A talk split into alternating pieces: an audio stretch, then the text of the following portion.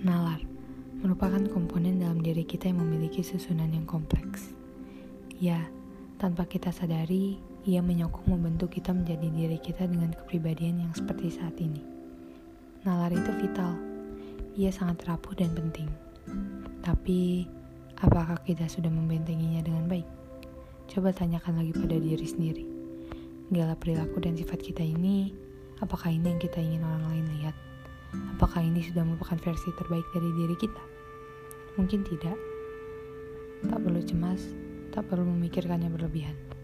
Kita memang tidak akan pernah menjadi yang terbaik, karena kita dititipkan di bumi ini untuk selalu memperbaiki dan mengevaluasi diri. Jadi, jangan takut apabila kamu merasa ada perbedaan di antara dirimu dengan yang lain. Jangan jadikan perbedaanmu itu musuh dari dirimu sendiri.